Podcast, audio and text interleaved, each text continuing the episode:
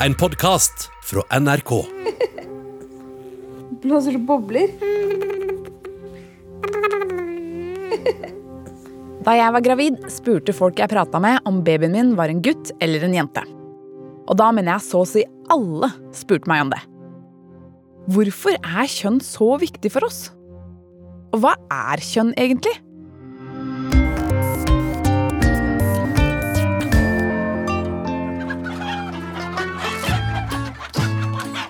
Mamma har høner. Det kan virke som om hun tenker på høner hele tida. Noen ganger lurer jeg på om hun er mer glad i dem enn hun er i meg. Så mye bryr hun seg om hønene sine. Hadde det vært opp til henne, så ville hun hatt høner overalt. Men er det noe mamma ikke er så gira på å ha for mange av, så er det haner. Og du skjønner kanskje at dette kan bli litt problematisk, for høner legger jo egg. Og egg som er befrukta, blir ofte til kyllinger.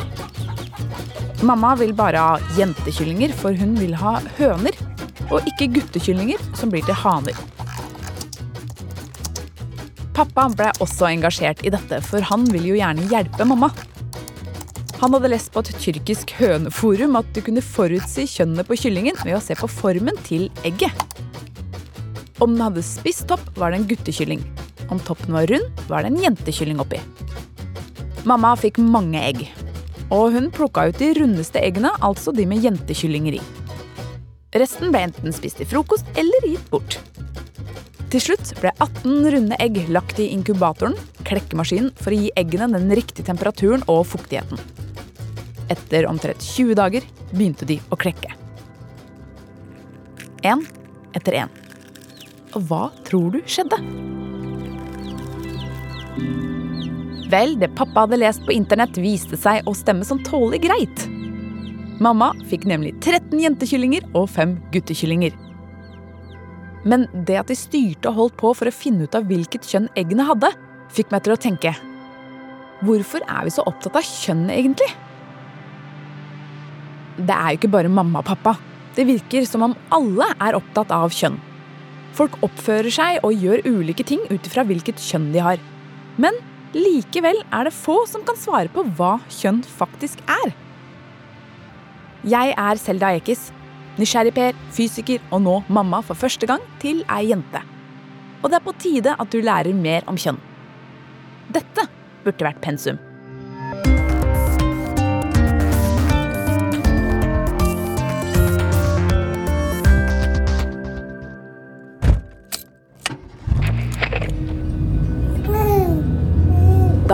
På vei til Ahus, der jeg fødte Lale. Og her skal vi møte min jordmor, Sunniva. Så er vi rundt rundkjøringen. Jeg tror jeg må parkere i parkeringshuset. Da jeg fødte Lale, ble hun straks veid, målt og vasket. Og så fikk hun et lite rosa armbånd rundt håndleddet og et rosa bånd rundt ankelen hvor det sto mitt navn. Sånn at alle skulle vite hvor hun hørte til hvis hun kom på avveie. Ganske smart system. Men hadde hun vært gutt, ville båndet vært blått. Tenk, fra første minutt i denne verden så ble barnet mitt kledd opp i kjønnsfarger. Og det var da jeg begynte å tenke på en ting. Hvert år så fødes det fem til ti barn med såkalt uklart kjønn. Fordi de enten har både penis og klitoris, eller noe som ikke ligner på det ene eller det andre. Hva er det som skjer med dem? Får de rosa eller blått armbånd? Det finnes leger som jobber med å finne ut hvilket kjønn disse barna har. Og den prosessen starter med en gang barnet blir tatt imot av jordmor på sykehuset. Opp til femte etasje. Dørene lukkes. Men før jeg møter jordmor Sunniva, så må vi først snakke om det vanskeligste. Nemlig hva er kjønn? Hva kjønn er, kommer nesten an på hvem du spør. Med det mener jeg at det er mange ulike måter å se på fenomenet kjønn på. La oss starte med det vi kaller biologisk kjønn, altså hvilke kromosomer vi har, hvilke hormoner vi produserer og hvordan kjønnsorganene ser ut. Det som er kroppslig og målbart. I Store norske medisinske leksikon, som er et medisinsk oppslagsverk, står det at når to individer fra samme art, altså f.eks. to mennesker, lager hver sine forplantningsceller, som kan bli til et nytt individ, et nytt menneske, så har de to individene ulike kjønn. Kvinner med sine eggceller og menn med sine sædceller kan jo til sammen lage et barn hvis de har lyst, og det vil jo si at kvinne og mann er ulike kjønn. Og det her er jo ikke akkurat rakettforskning, det her er jo noe vi lærer oss fra vi er bitte små. Vi er gutt, jente, mann, dame. Er det så enkelt?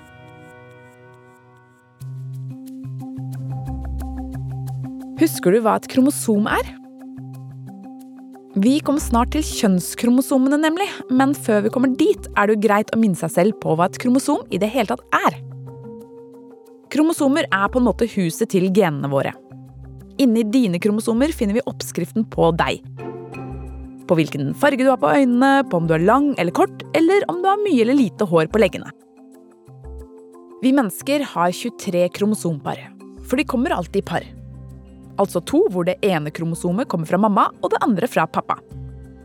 Hvert kromosompar inneholder ulike gener. Det er på en måte som kokebøker der det er ulike oppskrifter i hver bok. Et par kan ha oppskrift på hvor langt hår du kan få, hvor sterk beinbygning du har, og hvor gammel du genetisk kan regne med å bli. Mens et annet par kan ha oppskrift på hvor god hukommelse du har, hvor lett du lærer nye språk, og hvor god du er til å hoderegne. 22 av kromosomparene er like hos menn og kvinner. Men det 23., kjønnskromosomparet, er forskjellig. Og det er jo selvfølgelig fordi kjønnskromosomene har oppskriften på hvilket kjønn du har. En kvinnes kjønnskromosomer er forma som to x-er, mens en manns kjønnskromosomer er forma som en x og en y. Det må altså en person med XX-kromosomer og en person med XY-kromosomer til for å lage barn. Så langt, så enkelt, men så begynner kjønn å bli komplisert. Og spennende. Det finnes nemlig menn som har to XX-kromosomer. Som en egentlig regner som kvinnelige kjønnskromosomer. Disse mennene kan ha både penis og testikler, og de regnes som menn, selv om de har kromosomsammensetning vi medisinsk kaller kvinnelig. Og ikke nok med det, for det går an å ha flere kjønnskromosomsammensetninger enn XX og XY. Forskere regner med at så mange som én per tusen, altså én promille, har kjønnskromosomavvik. Det er 5400 nordmenn, det. Eller nordkvinner, eller hva en skal si. Uansett så er det nesten like mange som det bor folk i Vadsø kommune, som ligger i Finnmark, eller Tynset kommune i Innlandet. Sånn for å sette det litt sånn i perspektiv. Det finnes mange forskjellige kromosomavvik, for eksempel Turner syndrom. Det er kvinner som er født med bare ett X-kromosom.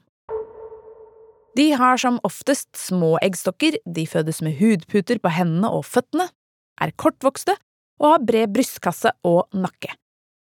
Personer som har Turners syndrom, utvikler ikke pupper eller kjønnshår, og de får heller ikke mensen når de kommer i puberteten. Men de er jo kvinner likevel. Det finnes også andre kjønnskromosomsammensetninger enn Turners syndrom. Det går f.eks. an å være kvinne med tre x-er. Det vil si én x for mye. Såkalt trippel X. Trippel X-kvinnene har ofte litt mindre hoder enn gjennomsnittet. Og så er de kanskje høyere enn mange andre, men samtidig ikke så muskuløse. Men mange damer med trippel X-kromosomer har ingen symptomer.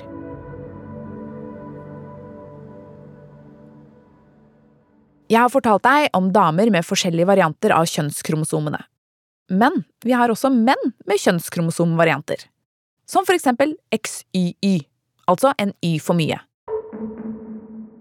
Og disse mennene de blir ofte høyere enn sine brødre med én X og én Y. XYY-menn er ofte også mindre fruktbare, som vil si at det er vanskeligere for dem å få barn. Menn som har kjønnskromosom XXY, altså en X for mye, sånn at de har to kvinnelige og et mannlig kromosom, får en diagnose som heter Kleinfelters syndrom. Disse mennene blir også høyere enn normalt. Og en del av guttene med dette syndromet her kan utvikle bryster når de kommer i puberteten. Og Kleinfelters syndrom er faktisk ikke så sjeldent. En regner med at én av 600 gutter blir født med denne kromosomsammensetningen. Som i landet vårt vil si omtrent 50 gutter i året. Nå ble det kanskje mye x-er og y-er her, men som en oppsummering så er poenget mitt at hvis man skal definere kjønn ut ifra kromosomer, så er det ikke så enkelt, for det er for mange naturlige variasjoner.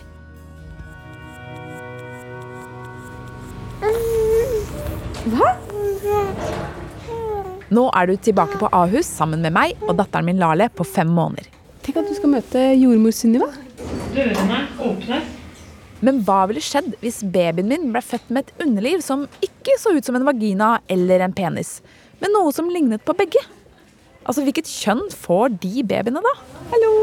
Så koselig å se deg. Ja, veldig koselig. Her er Lale. Ah, så stor hun har blitt. Hun er jo fem måneder nå. Det har gått fort. Det har gått kjempefort. Sunniva Glenster er jordmor, og det var hun som festa et rosa armbånd på armen til dattera mi. Det, vi har rosa pledd til jenter og blå pledd til gutter. Og tilsvarende bånd med personnummer, som alle barn får, er blått og rosa i henhold til kjønn. Eh, så vi har jo veldig fargeinndeling som markerer kjønnet her.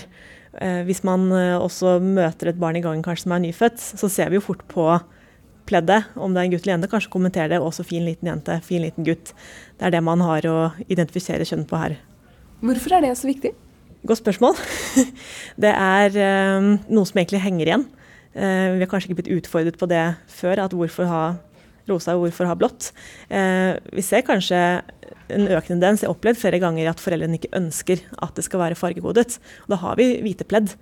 Men sannheten er jo at barnet vil jo ikke merke forskjellen på rosa eller blått. Det er vi som skaper den skilnaden der. Mm. Det viktigste er at barnet er friskt og har det bra. Men hva skjer da med barn som blir født med uklart kjønn? Prosedyren er jo først og fremst at vi henter vår barnelege, som er eh, her på nyfødtavdelingen, eh, hvor man da gjør en undersøkelse av å se hva er det vi ser. Grunnen til at det kan være vanskelig å tyde i disse tilfellene, er kanskje at man er i tvil. Er det en veldig liten penis? Er det en forvokst klitoris? Eller kan det være veldig store kjønnslepper eller en del pung? Mm. Eh, og hvis vi ikke klarer å fastsette det, så blir man henvist til eh, tverrfaglige team, som da i Norge er på Haukeland i Bergen og Rikshospitalet i Oslo. Da drar jeg dit nå, jeg. Ja. Lykke til. Takk. Vil du holde henne litt mer mens jeg tar på meg klær? Hun kan gulpe, altså. Ja, ja, men du, det, kroppsvæsker det er jeg vant til her på føden.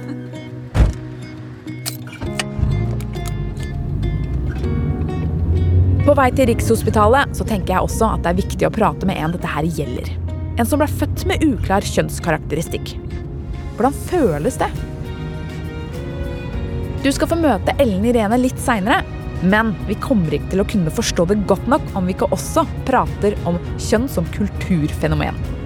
Altså, Hvilket innhold ligger det i ordene mann og kvinne? Og åssen har det her forandra seg opp gjennom tidene?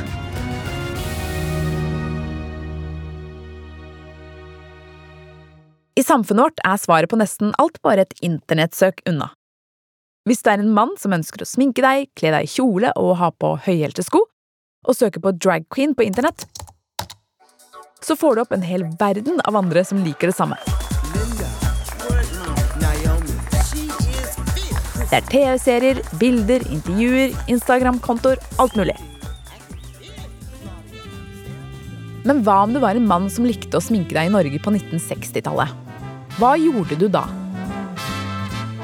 Jo, da gjorde du det enten ikke, eller så gjorde du det i smug og fortalte det mest sannsynlig ikke til noen. Og hva om vi går enda lengre tilbake? Hva om du var en fransk kvinne som ville gå i bukser på 1800-tallet? Det høres kanskje litt tullete ut, men det fikk du ikke lov til. Det var faktisk forbudt.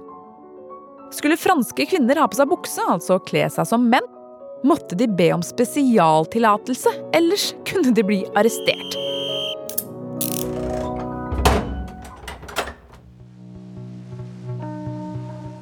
Gjennom historien har det først og fremst vært menn som har bestemt. Både i samfunnet og i familiene. Det kan virke som om det alltid har vært et slags behov for å skille kjønn fra hverandre. Ved at ett kjønn skal undertrykke, og det andre skal undertrykkes. Dette finner vi eksempler på gjennom hele historien. Annet i det gamle Hellas.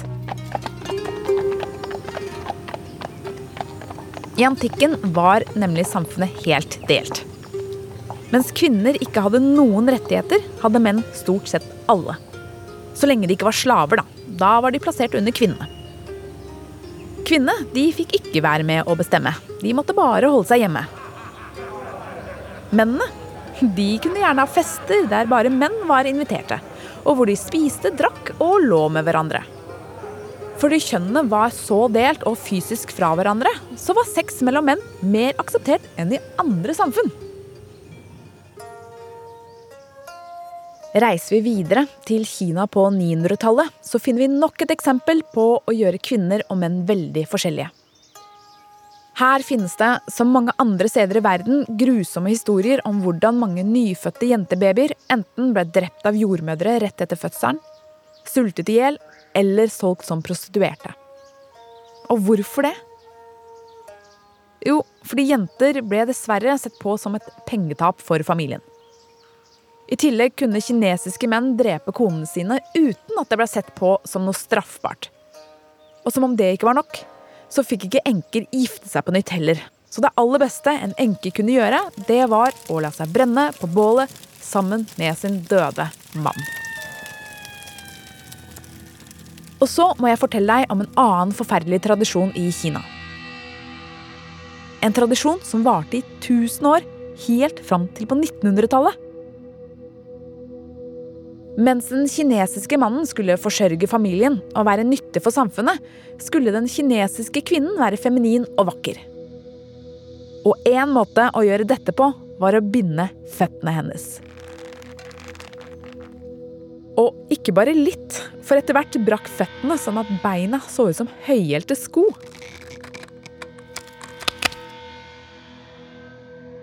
Kvinnene kunne verken gå eller komme seg av gårde med mindre noen bar dem. Små føtter ble sett på som veldig feminint og erotisk. Jo mindre føttene var, jo bedre.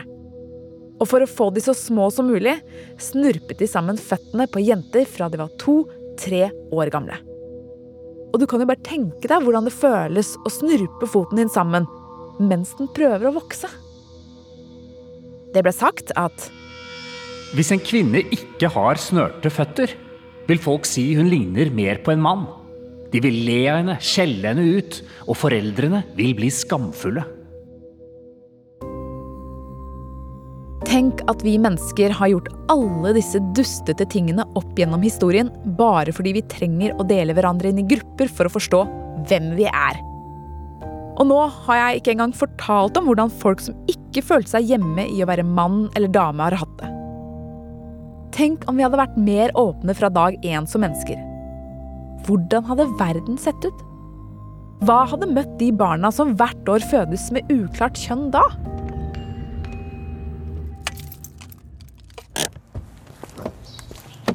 Nå er jeg på Rikshospitalet i Oslo for å treffe overlege Anne Være. Så nå skal vi bare gå bortover, så skal vi opp en trapp, og så skal vi finne oss et kontor. Hvert år fødes det fem til ti barn med såkalt uklart kjønn. Eller variasjon i kroppslig kjønnsutvikling, som det heter.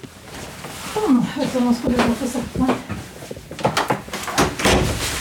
Rett etter fødsel, hvis ikke liv står i fare, så blir disse barna sendt fra fødestuen til Haukeland sykehus i Bergen, eller hit på Rikshospitalet i Oslo til overlege Anne Være og teamet hennes, som består av En eh, barnelege som er spesialist på hormoner. Og så består det av en eh, barnekirurg. Og så er det en eh, genetiker, og det er en barnepsykiater. Og når barna blir eldre, så kan vi knytte til oss en gynekolog. Når Anne Være og teamet hennes får inn en baby med uklart kjønn, så må de finne ut hvilket kjønn babyen har. Det første man gjør, er jo bare utelukke at det ikke er noe alvorlig sykdom man skal gjøre noe med der og da. Eller så vil vi se på først ytre genitalia, som heter altså de ytre kjønnsorganene. For noen ganger så er det nettopp det man er usikker på når man ser barnet nedentil. Er dette en forstørret klitoris, eller er det en liten penis?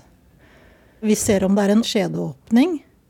Vi ser om det som eh, vanligvis hos gutter er en pung, om den er delt, sånn at det ser mer ut som kjønnslepper. Eh, og man ser på avstander der nede. Og sånt. Og ut ifra det bildet så kan man si noe om er barnet maskulinisert, eller er det ikke så maskulinisert, altså mer feminisert. Så Det er noen sånne målinger som man undersøker utenpå. Og så gjør vi noen ultralydsundersøkelser og røntgenundersøkelser for å se om det er noen indre kjønnsorganer. Om de er mer tradisjonelt kvinnelige, altså ser man noe som kan se ut som noen ovarier. Ser man noe som kan se ut som en livmor?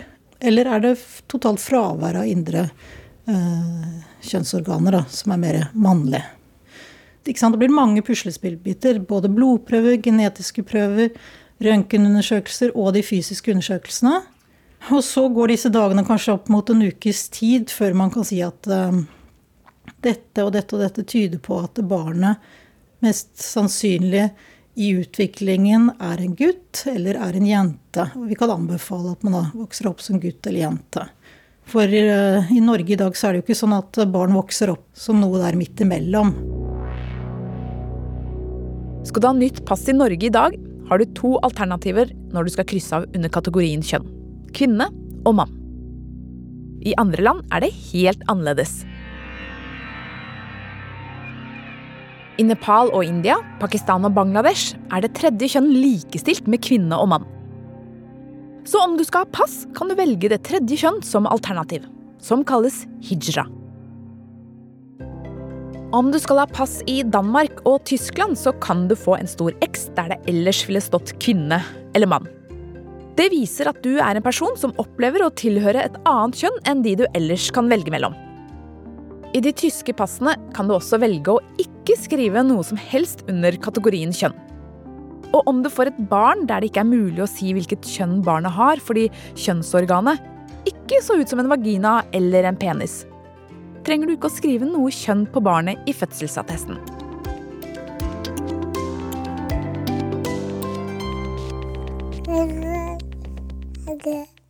De aller fleste av oss begynner å forholde seg til hvilket kjønn vi har fra vi er helt små. Du, da? Vi hører 'Å, for en søt liten jente' eller 'Å, for en tøff liten gutt' fra vi er babyer. I klesbutikkene er det gutteklær og jenteklær, blått og rosa. Mens gutteklærne gjerne har dinosaurer, biler eller fotballer på seg, har jenteklær ofte enhjørninger, kaniner og blomster.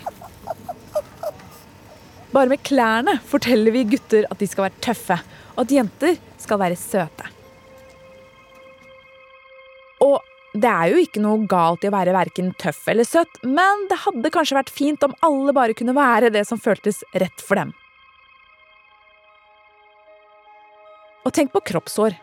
Når var det du sist så en dame på TV, film eller reklame med hår på leggene, under armene eller nedover bikinilinja?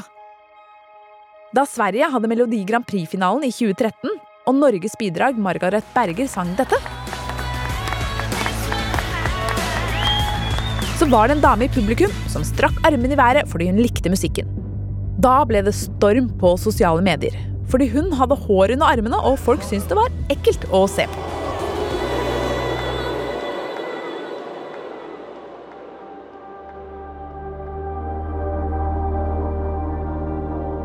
Mannsrollene og kvinnerollene former oss. Det er nesten umulig å slippe unna. Og det påvirker hvordan vi oppfører oss, hva vi tenker, hvordan vi kler oss, hvordan vi snakker, hva vi snakker om, og om vi snakker i det hele tatt. For mens vi kvinner ofte får mye trening i å prate om hvordan vi har det og hva vi føler, er det gjerne ikke sånn for menn. Enkelte forskere mener mange menn som er lei seg, viser det på en maskert og maskulin måte. Istedenfor å gråte, for eksempel, så er det mange menn som heller trekker seg tilbake eller blir aggressive eller ruser seg. Og derfor får de ikke den trøsten og omsorgen de trenger. Hvis vi ser på selvmord, som jeg mener er den sterkeste måten å si fra at en ikke har det bra på, så ser vi at hver måned så tar i gjennomsnitt seks unge menn i alderen 20 til 30 år livet sitt her i landet. Seks unge menn det er så mange, det. Hver eneste måned. De som forsker på dette, mener grunnen er at de følte seg avvist eller mislykka. Og at det blir så tungt å bære disse følelsene at det virker lettere å dø enn å leve. Det går jo an å se for seg at dette her hadde vært annerledes om mannsrollen ikke la opp til at menn skal tåle smerte, ikke prate om følelser og ikke vise svakhet eller være sårbar.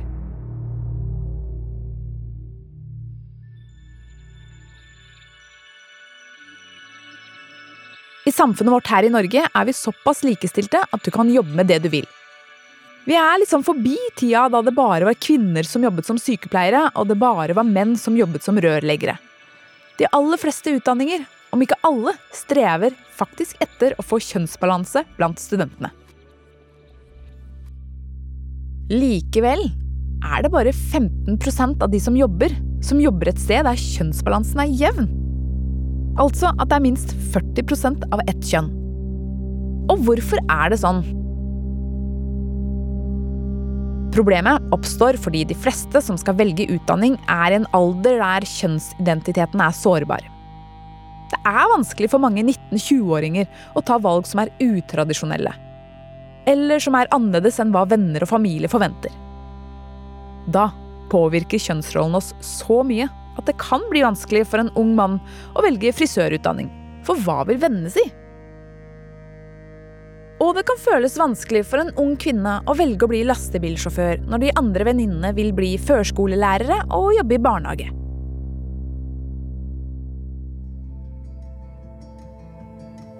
Roller kan være vanskelig å fylle. Og hva med når du ikke engang føler du tilhører det kjønnet folk tror du har? Hvilken rolle skal du passe inn i da? Forskning viser at mennesker som ikke får leve som det kjønnet de føler seg som, har det dårlig psykisk.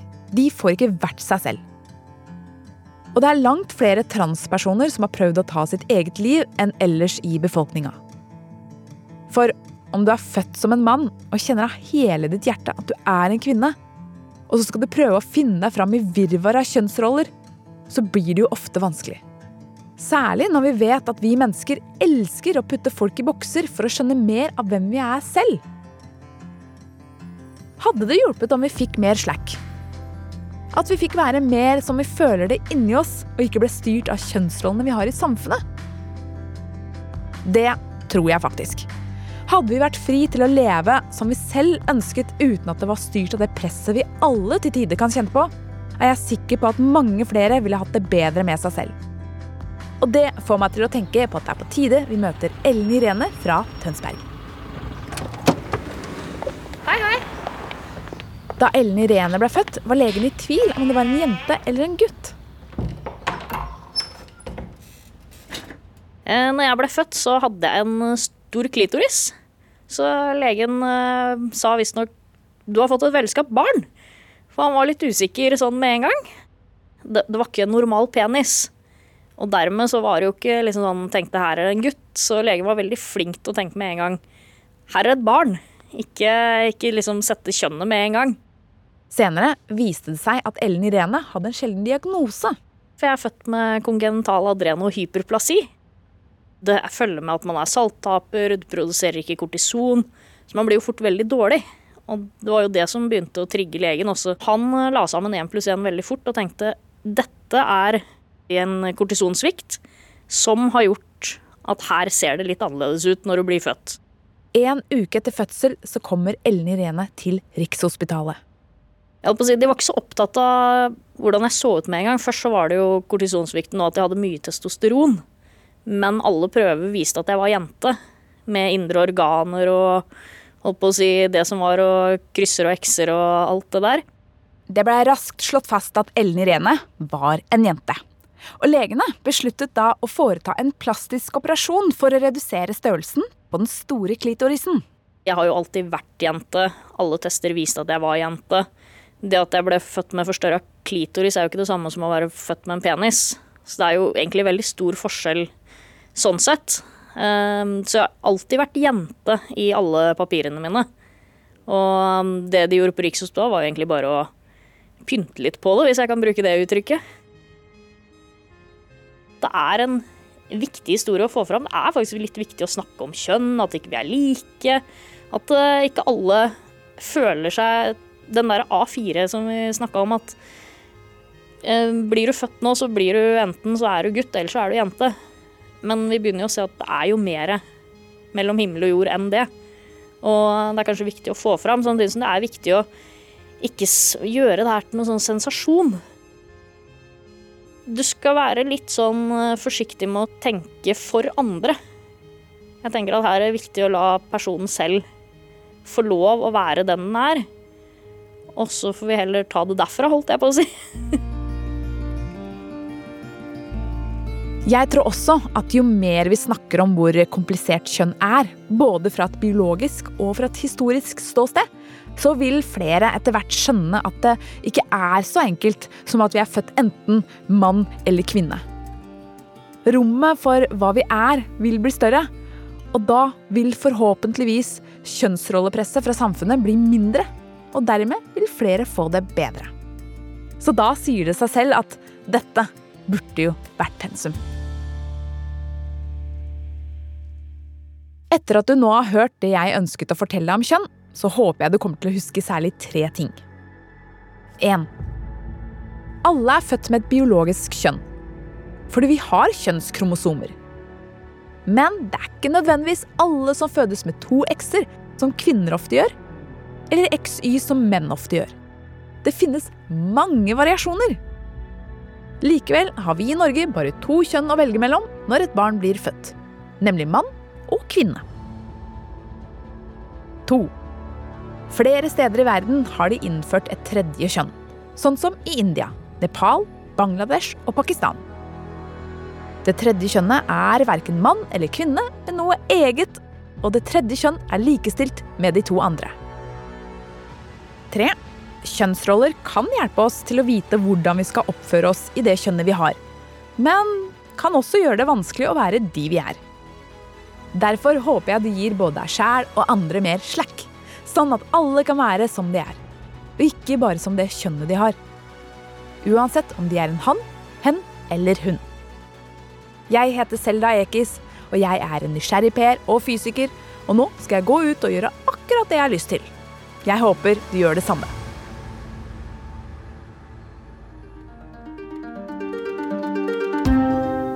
Har du lyst til å høre andre ting som burde vært pensum? Da kan jeg anbefale Hva er meningen med livet? av eventyrer og forfatter Erling Kagge. Burde vært pensum hører du i appen NRK Radio. Burde vært pensum er laget av Lyder Produksjoner for NRK. Produsent Tine Eide. Research Agnes Akre. Lyddesign Sondre Myrhol. Eksekutiv produsent Christian Elmar Strander. Og ansvarlig redaktør fra NRK Jan Egil Odland.